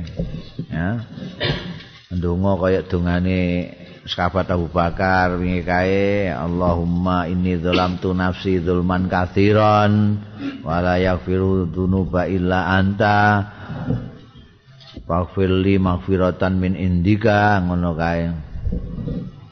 Ya mukallibal qulub sabit qalbi ala dinika bangun. Baranglah donga-donga iku An Nabi Hurairah radhiyallahu anhu anin Nabi sallallahu alaihi wasallam kala ngendika Kanjeng Nabi innallaha azza wa jalla. Sak temene Gusti Allah azza wa jalla iku kataba ala ibni adam hadzahu minaz zina. Iku netepake sapa Allah ala ibni adam ing atase. Anak mutune Adam hadzahu ing bagiane ibnu Adam minaz zina saking zina karena sudah ditentukan oleh Allah Ta'ala mongko adroka. Adroka ini jawab syarat sing dibuang. Nanti ngono. Mergo wis ditetep nambek Gusti Allah angger anak Adam mesti untuk bagian saka zina mulane adroka. Dalik moko metuki sapa anak ibnu Adam dalika ing mengkono-mengkono bagiane saka zina lama halata ora kena ora. Angger wong mesti. Fazinal ain an nazar monggo tae zinane mripat iku an nazaru ningal ana wong delok. Delok wong wedok eh, seneng-seneng sithik. Ya iku bagian zinane dik niki. Wa zinal lisan lan zinane lisan iku almantiku omongan. Inemahan Wah, geneman sing komor-komor ngono kae lho. Porno-porno ngomong. Wah, ngono iku bagian dari zina mulut. Wan nafsu tamanna, lan nafsu awak dhewe iku tamanna nglamun. Wah, ngene iki aku ketemu karo bintang film. Ngono. Tamanna ngayal-ngayal. Wa nafsu tamanna zalika utaya wa iku tamanna arep ngarep zalika ing mengkono-mengkono mau kabeh. Wa tastahilan kepengin aku kepengin iku iku iku jane wa enak ngono ngene wa ngayal-ngayal Iku bagian dari zina.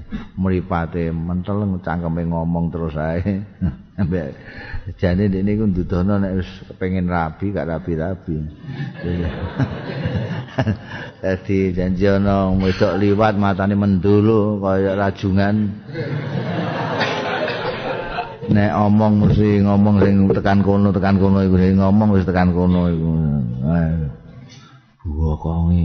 Wah. Iku bagian-bagian dari zina.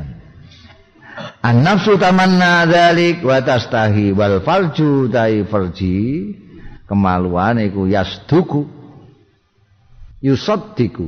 Benerno ya farju dzalika ing mengkono mau wa yukadzibu lan gorohake ana sing terus membenarkan karena terus dilaksanakan bar melihat terus anu terus ngono iku jenenge terus dibenerno mek padu. Ya zina tenan e. Ora mok mata tok e ngono. Ana sing ngorohno ora jebule mok nglamun tok ndekne iku ora tenanan. Yukadzibu.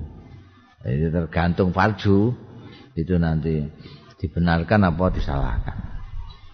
Mm -hmm.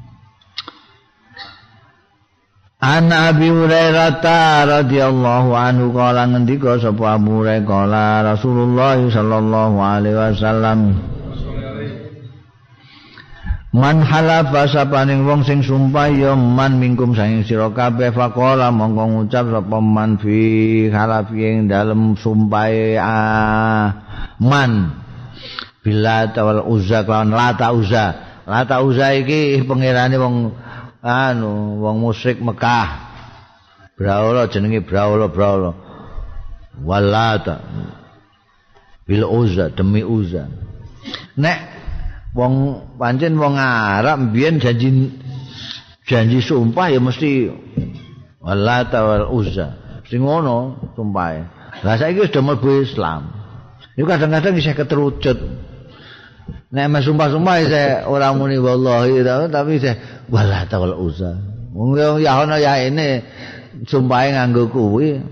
Nah mulane Kanjeng Nabi terus nek kowe kok ana sing sumpah nganggo lata uza ndang gagenan fal yakul mongko supaya ngucap sira la ilaha illallah. La ilaha illallah. Tututi ndang tututi ngomong la ilaha illallah. Nek kedelanjur muni sumpah sing ora-ora Wa mangqala li sahibihi ta'al uqamirka. Sapane wong sing ngucap ya man li sahibi marang kancane mang ta'al renio uqamirka. Ayo. Main. Uqamir iku totoan karo kowe. Komir aku notoi totoan ka ing sira. Artine ngejak main lah pokoke ngejak judi ku. Ta'al ukamir ka itu ngejak. Ayo nek meh main mbek aku. Nek ana sing muni ngono fal yata sodak mongko tututono fal yata supaya sedekah sapa man ya mergo kaya dawuh Kanjeng Nabi dhewe nek kowe nglakoni sing elek-elek iku tututi nganggo amal-amal sing apik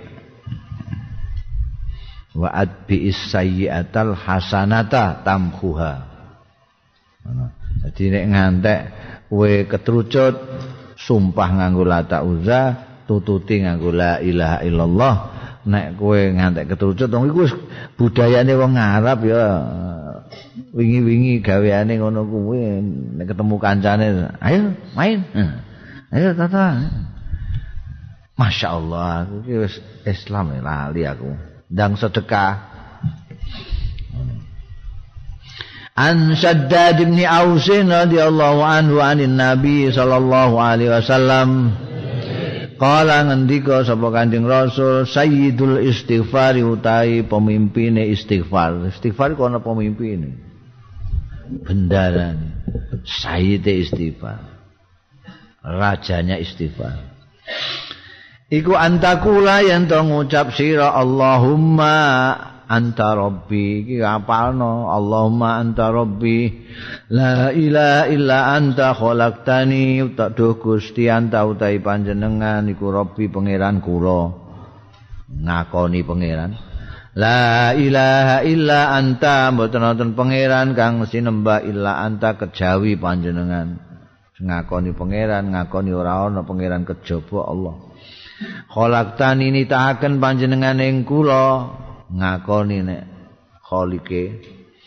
Wa ana abduka utahe kula iku abduka kawula panjenengan, ora mok ngakoni makhluke tapi ngakoni dadi hambanya juga. wa ana utahi ingsun iku ala adika ing atase janji panjenengan. Wa wa'dika lan nggih janji panjenengan. Mas tu sak mampu kula kula janji ajeng salat janji ajeng poso janji ajeng sae kalih tiyang kula ajeng lakoni sak mampu kula A'udzu bika min syarri ma sanatu. Kula nyuwun pangreksan Gusti bika kelawan panjenengan min syarri ma sanatu saking awonipun barang sanatu ingkang damel kula. Kula nyuwun pangreksan dhateng panjenengan saking jahate laku kula. Abu ulaka ngakeni kula laka dateng panjenengan binikmatika kelawan paringan nikmat panjenengan kula akeni kantuk nikmat sing panjenengan alaiya ing atase ingsun wa abu ulan ngakeni kula bidambi kelawan dosa kula kula panjenengan paringi nikmat terus salah barang tesih tetep nikmat panjenengan paringaken. Kula panjenengan paling nikmat mboten nyukuri barang tasih jenengan tambahi terus mawon. Kula ngakeni bidambi kelawan dosa kula ighfirli mugi ngapunten panjenengan li dateng kula fa innahu mongko setuhune kelakuan iku layak firdzunuba ora ana sing iso ngapura dosa-dosa ila anta kejawi panjenengan. Iki istighfar top iki. Dadi aja ngantek lali nek bar salat iku waca iku. Istighfar iku dahsyat sayyidul istighfar. Iku nek istighfar istighfar nganti ping 70 apa ping 100 iku diakhiri karo sayyidul istighfar. Utawa diwiwiti karo Sayyidul Istighfar. Nek kowe ameh ndonga-ndonga sadurunge ndonga maca Sayyidul Istighfar. Insyaallah dongamu mandi. An Abdullah radhiyallahu anhu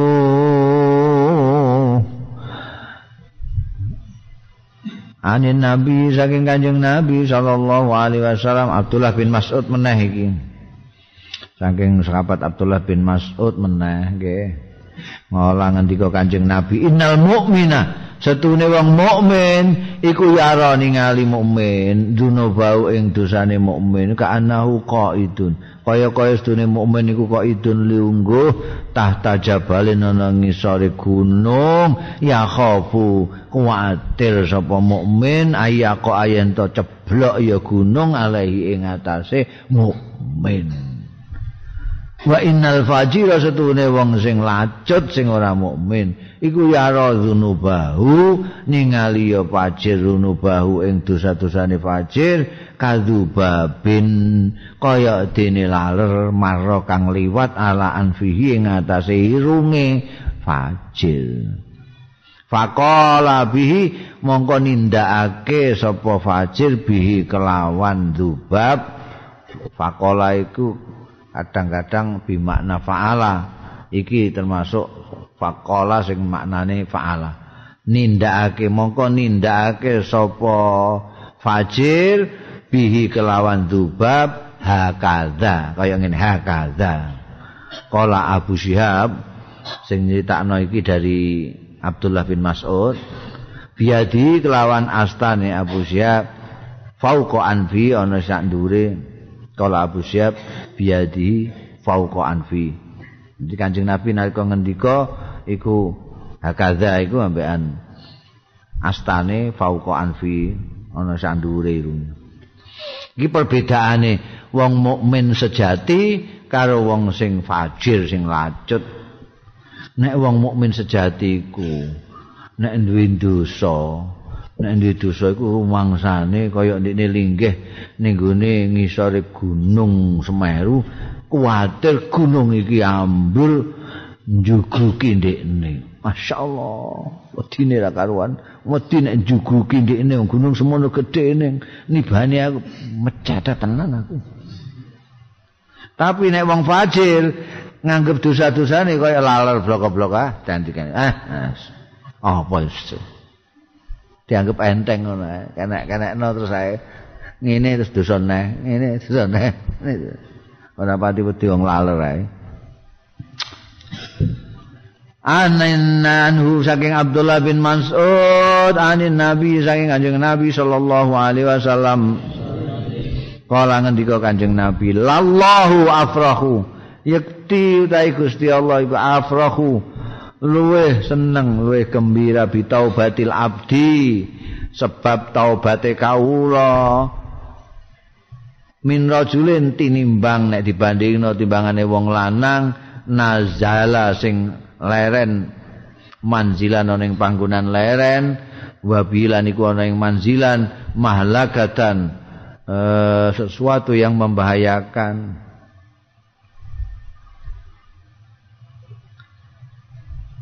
jadi di situ ada sesuatu yang membahayakan lah. Mampir ning kono. Wa ma'ahulan iku sartane rajul rakhilatuhu utawi ontane rajul tumpakane rajul. Alaiha iku ing atase rakhilatihi ta'amuhu panganane rajul wasyarabuhu lan omben-ombenane rajul ning gune rakhilah kabeh ning gune kendaraane kabeh. Fawadu ara sahu mongko nyelehna sapa rajul sahu ing sirahe rajul panama mongko turu sapa rajul naumatan ing sakliran Pastai kodo mongko nglilir sapa rajul waqat zahabat teman-teman wis ra ana ilang apa rakhilatuhu sak pakanane sak omben-ombenane kabeh wong. Pakanane ning kono kabeh. Ditinggal terus saliran lho. Iki ning ndi iki? Sing jiko sapa iki? Kendara aku. Lah pangananku ning kono jare. Aku lesu ngene iki. Iya mateng aku. Iki hatta stadat alaihil har sehingga nemen alaihi ing atase rajul apa al haru panas wal atsulan ngorong. Au masyaallah to apa? Barang seakan ngesake sapa Allah. Wis pokoke masyaallah wis wis wis iki. Piye karepe anu? Rohilatu ku nguyur ning ditinggal terus delok ngono kok bendal bedal ning endi lah cah cah Eh sekolah gula ini di gak ketemu. Eh gak iso mangan gak iso ngombe. Gak iso ning dindi Tempatnya berbahaya sisan. Kendaraan hilang. Lu ngomong lu ning endi mau untane mau Kala terus ngendi ke rajul? Ngucap sapa rajul? Ah bali-bali lah makani maring panggonanku. Waraja mongko bali sapa rajul fanama mongko turu naumatan sak turonan sak liran. Sumara fa'ara sahu mongko keri-keri ndangakno sapa rajul nak sahu ing sirahe rajul. Fa idzan dumadaan rakhilatuhu tawi kendaraane mau tumpakane ontane rajul indahu ana sandinge rajul. Juga kaya apa? Kira-kira piye? Senenge piye? Golek setengah mati ngantek kepanasan ngantek ngorong segala macam enggak ketemu-ketemu. Wah kari-kari jedul muncul ning kono alhamdulillah kowe mau kondi jong-jong masyaallah iki ngene iki nek dibandingno karo gembirane Gusti Allah taala nek ana kawulane sing tobat isih gembira Gusti Allah. Dalem ana wong sing asale bejijak terus tobat. An Abi Musa saking sahabat Abu Musa Al Ash'ari radhiyallahu anhu anin Nabi saking Kanjeng Nabi sallallahu alaihi wasallam.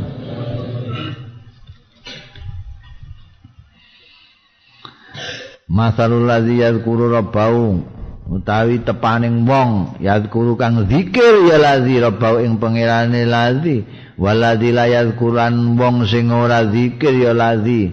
Iku mislul hai kaya umpamane wong urip wal mayitilan mati. Sing sitoke zikiran sitoke ora. Sing sitoke kaya wong urip sitoke kaya mati. Iki tegese kowe kon zikiran ngene ya. Zikiran zikir iku ora kudu tengok-tengok linggih madhep ngulon ora perlu. Ngono dawuh ya kurunallaha qiyaman wa qu'udan. Ngono kae kena karo linggih kena karo turun pokoke zikir. Saisa-isamu sing bawa copo nek kowe kangelan paling gampang ya Allah Allah Allah Allah Allah Allah Allah. Ngono ya. Supaya kowe ora kaya wong mati. Ora sing wong sing ora tau zikir kaya wong mati.